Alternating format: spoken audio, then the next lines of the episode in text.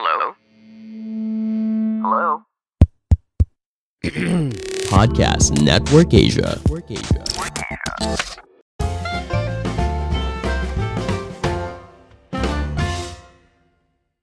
Halo semuanya, kembali lagi bersama saya Madianto. Kali ini kita akan membahas tentang berapa sih uang yang harus dikumpulkan untuk dana darurat. Pada umumnya, setiap orang memiliki kebutuhan dan gaya hidup yang berbeda-beda. Soal dana darurat pun juga besarannya akan berbeda-beda.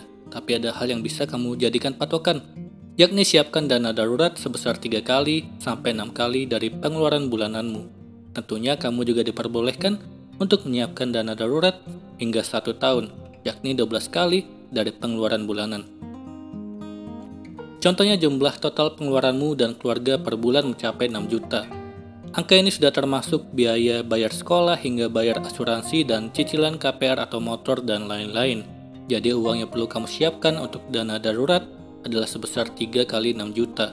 Jadi 18 juta atau 6 kali 6 juta sehingga menjadi 36 juta.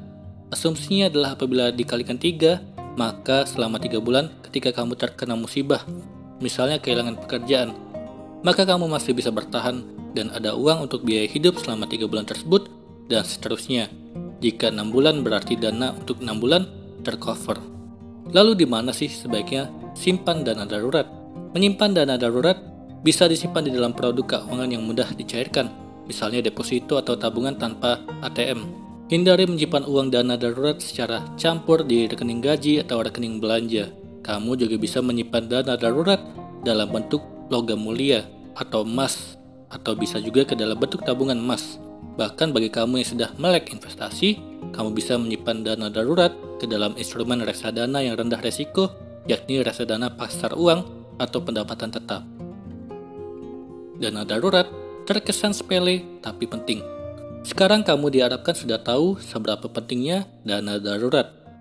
Tujuan utamanya adalah untuk menolong kamu bertahan ketika kamu ada situasi pelik atau darurat. Mulailah untuk bertanggung jawab dengan keuanganmu dan keluarga. Mengelola uang dengan bijak dan punya dana darurat itu penting.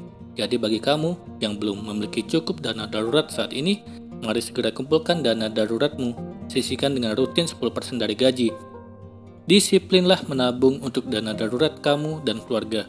Apabila dana daruratmu sudah terpakai, tentu kamu harus mengisinya kembali. Jangan sampai dana darurat dipakai lalu lupa tidak diisi lagi. Itulah tadi pembahasan tentang berapa uang yang diperlukan untuk dana darurat. Semoga ini bermanfaat. Sekian dan terima kasih. Pandangan dan opini yang disampaikan oleh kreator podcast, host, dan tamu tidak mencerminkan kebijakan resmi dan bagian dari podcast Network Asia.